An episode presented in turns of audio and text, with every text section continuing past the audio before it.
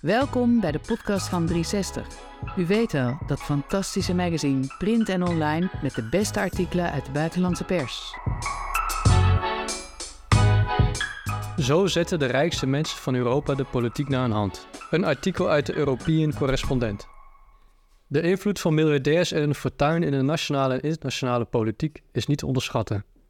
Wie de rijkste mensen in Europa zijn en hoe ze hun geld inzetten om de politiek te beïnvloeden, is de afgelopen maanden onderzocht door meer dan 70 journalisten uit 40 landen. Stel je voor, je zit op je superjacht en leest in Financial Times over een nieuw belastingvoorstel waardoor je belastingtarief met minder dan 1% zou stijgen.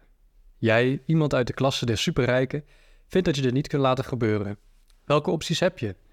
Je kunt de grote nationale kant overnemen en het redactionele standpunt beïnvloeden.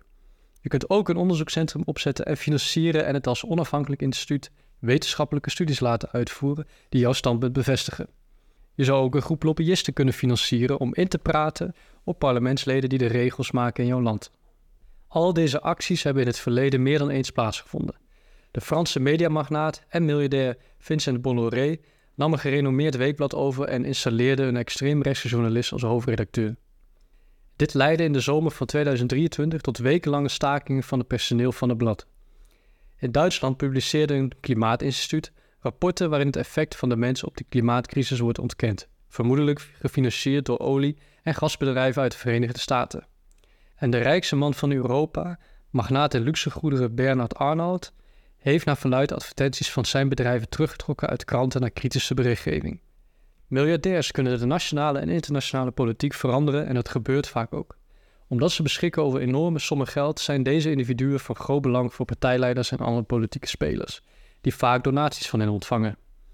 Maar invloed hoeft niet vrijwillig of zelfs bewust te worden uitgeoefend. Wetgeving wordt bijvoorbeeld vaak zodanig ontworpen dat miljardairs ervoor kiezen in hun land te blijven. In de praktijk betekent dit dat wetgevers anticiperen op het humeur van miljardairs en hun tegemoetkomen voordat de miljardairs zelf er zelfs maar eens aan dachten om hun wensen kenbaar te maken. Zowel politieke partijen als rijke individuen hebben er geen belang bij om deze indirecte manier van lobbyen inzichtelijk te maken voor het publiek. De beslissingen van de superrijken kunnen de economische, sociale en culturele situatie van een land volledig veranderen, ten goede of ten kwade. Maar we weten nauwelijks iets over hun politieke banden of ambities of over de invloed die ze hebben op de nationale en internationale politiek. We weten zo weinig over hun rijkdom dat zelfs de academische wereld grotendeels vertrouwt op de ranglijsten met miljardairs van Forbes of Bloomberg, waar dit onderzoek ook op is gebaseerd. Sommige landen verbieden de publicatie van gegevens over rijkdom, zoals Luxemburg, waar ranglijsten van de rijken niet openbaar worden gemaakt. Het kleine land heeft een van de strengste antitransparantiewetten ter wereld. Hoewel er meer dan 47.000 miljonairs en naar schatting 17 miljardairs in het land wonen, weet zelfs de regering niet hoeveel de inwoners bezitten, omdat individuen hun bezittingen niet hoeven op te geven. Op dit moment bestaat er ook geen EU-wetgeving over transparantie van vermogen. Dit gebrek aan transparantie leidt tot herhaalde gevallen van financiële fraude en belastingontduiking, zoals de Panama Papers, de Paradise Papers en de Pandora Papers aan het licht brachten. Zonder transparantie kunnen we ook niet discussiëren over de grote morele vraag hoeveel ongelijkheid we als samenleving kunnen accepteren. Hoeveel mag de top 1% bezitten? Het zal niemand verbazen dat er ook aan de top van de economische ladder sprake is van ongelijkheid tussen mannen en vrouwen. Als we kijken naar de drie rijkste personen in 40 Europese landen, zijn slechts 60 van vrouw. Bovendien hebben de meeste vrouwelijke miljardairs op onze lijst hun rijkdom verkregen door te erven van hun vader of grootvader. Verschillende soorten ongelijkheid werken op elkaar in. En ongelijkheid in rijkdom is daarom geen uitzondering. Bogus ongelijkheid bestaat niet alleen binnen landen, maar binnen de Europese context ook tussen de niveaus van rijkdom. Eén persoon springt er in het bijzonder bovenuit. Bernard Arnault, eigenaar van het Franse luxeconcern LVMH. Hij is veruit de rijkste persoon in Europa en bezit ruim 100 miljard euro meer dan de volgende miljardair in onze database. Ook opmerkelijk is dat drie van de vier Franse miljardairs in dit onderzoek rijk zijn geworden dankzij luxe merken zoals Louis Vuitton, L'Oréal of Gucci. Dat staat in schril contrast met de rest van het continent, waar miljardairs hun fortuin meestal verwierven in grote industrieën, zoals bouwbedrijven of supermarkten. Het regionale verschil in rijkdom tussen de Balkan en delen van Oost-Europa en de rest van het continent is enorm. De Kroatische verzekeringskoning is de rijkste persoon op de Balkan en bezit vijf keer minder dan de rijkste Nederlander en dertig keer minder dan Bernard Arnault. Bovendien zijn de meeste miljardairs in West-Europa rijk geworden door voor te bouwen op geërfd geld of op eigendommen van hun familie. In Centraal- en Oost-Europa en op de Balkan hebben de meeste miljardairs zich omhoog gewerkt, vaak ook door gebruik te maken van dubieuze praktijken in de jaren 90. Sommige miljardairs in onze database waren zelfs werkzaam in de politiek.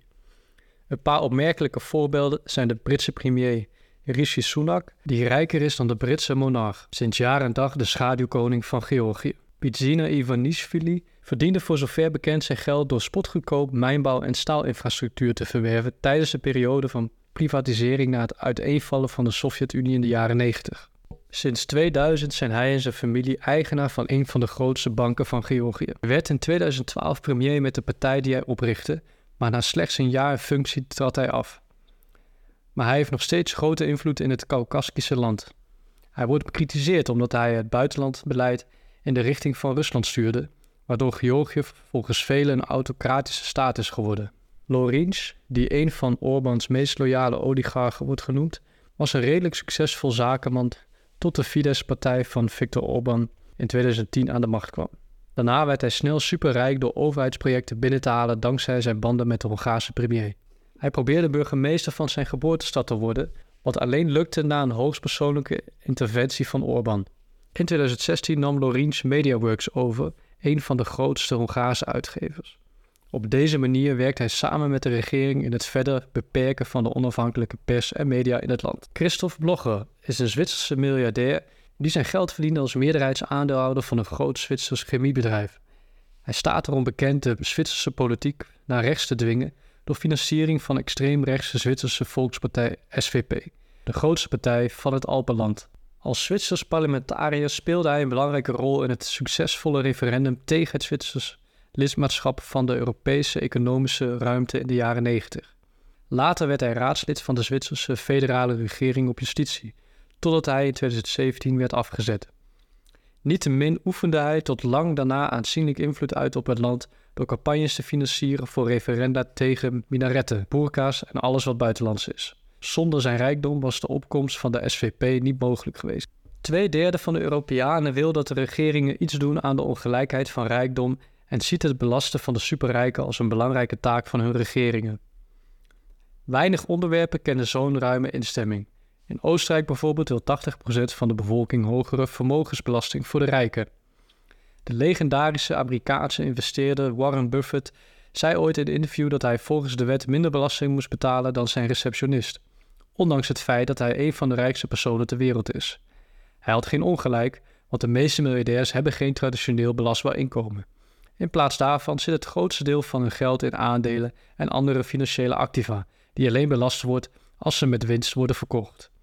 Omdat miljardairs doorgaans maar heel weinig aandelen verkopen, niet meer dan nodig om hun uitgaven te dekken, worden ze belast op deze zogenaamde vermogenswinsten in plaats van op een normaal inkomen als werknemer.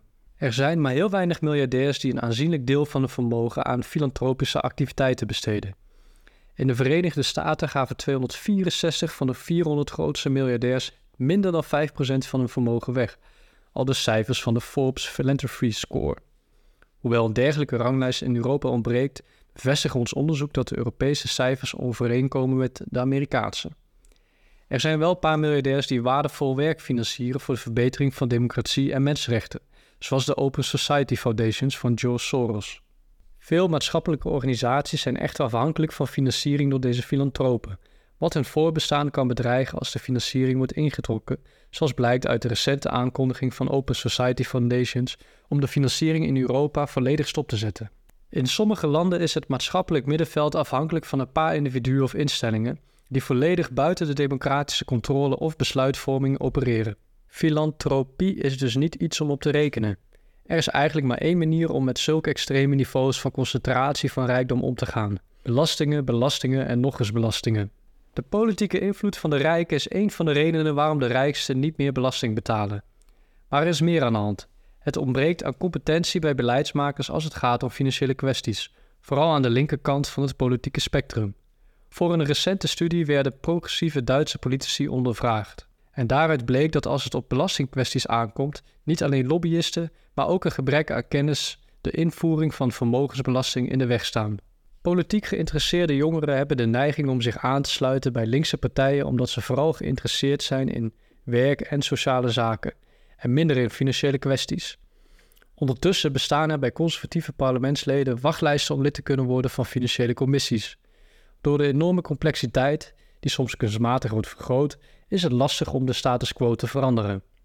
Om de ongelijkheid en rijkdom goed aan te pakken, moet het belastingbeleid een zaak worden die progressieve partijen aan het hart gaat. Anders blijven politici onwetend en worden ze makkelijk overschaduwd door degene die er alles aan doen om geen belasting te hoeven te betalen. In principe zijn er twee manieren om de superrijken effectief te belasten: vermogenswinstbelasting en vermogensbelasting. Zoals hierboven uiteengezet worden zeer rijke mensen meestal proportioneel minder belast dan mensen met een normaal inkomen, omdat vermogenswinsten uit de verkoop van aandelen belast wordt. In enkele landen met de meeste miljonairs en miljardairs per hoofd van de bevolking, zoals Luxemburg, Zwitserland en België, wordt geen vermogenswinstbelasting geheven. In Europese landen die wel belasting heffen op vermogenswinst uit verkoop van beursgenoteerde aandelen, bedraagt deze belasting gemiddeld 19,4%. Ter vergelijking, volgens de Europese Commissie bedroeg de inkomstenbelasting in Europa van 1996 tot 2021 gemiddeld iets meer dan 40%.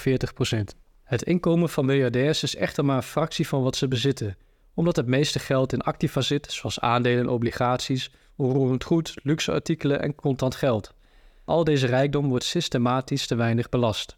Van de twaalf Europese landen die in 1990 vermogensbelasting hieven, doen alleen Noorwegen, Spanje en Zwitserland dat tegenwoordig nog. Vermogensbelasting werd in veel landen afgeschaft omdat de progressie ervan al vroeg merkbaar werd en degene trof die slechts een paar miljoen op hun bankrekening hadden.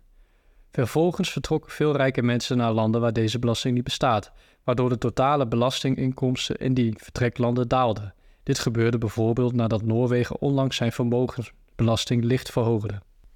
De sociaal-democratische regering verhoogde de vermogensbelasting van 0,85% naar 1,1% en dat leidde tot een grote kapitaalvlucht door veel van de miljardairs in het land. Ze namen zoveel geld mee dat de vermogensbelasting in Noorwegen naar verwachting ruim 500 miljoen euro minder zal opleveren dan nu het geval is. Om te voorkomen dat miljardairs naar andere Europese landen verhuizen, moet de belasting in meerdere landen hetzelfde zijn. Dit is vergelijkbaar met het nieuwe wereldwijde minimumtarief voor vennootschapbelasting van 15% voor multinationals. Die werd ingevoerd door de Organisatie van Economische Samenwerking en Ontwikkeling. Er is op Europees niveau beweging in dit debat.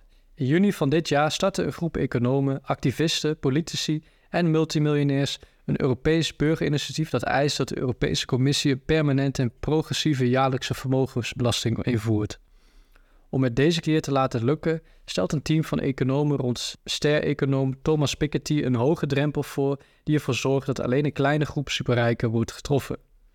Bovendien zou geërfde rijkdom zwaarder belast moeten worden dan inkomen of zelfmeetrijkdom, omdat je je ouders nu eenmaal niet kunt kiezen. Europese burgerinitiatieven zijn zelden succesvol en de wetgevende bevoegdheid van de EU op het gebied van belastingen is beperkt. Toch zou dit bij uitstek een goed initiatief zijn waar linkse groepen zich achter zouden kunnen scharen in aanloop naar de Europese verkiezingen van 2024. Als samenleving hebben we weinig inzicht in de rol die de meeste superrijken spelen in de politiek. We moeten de mate van concentratie van rijkdom begrijpen, vooral de impact ervan op de democratische processen en besluitvorming om te kunnen bepalen wat eraan gedaan zou kunnen worden en moeten worden. In Noorwegen en Finland worden de belastingaangiften voor alle burgers zonder uitzondering elk jaar gepubliceerd, zodat iedereen ze kan inzien.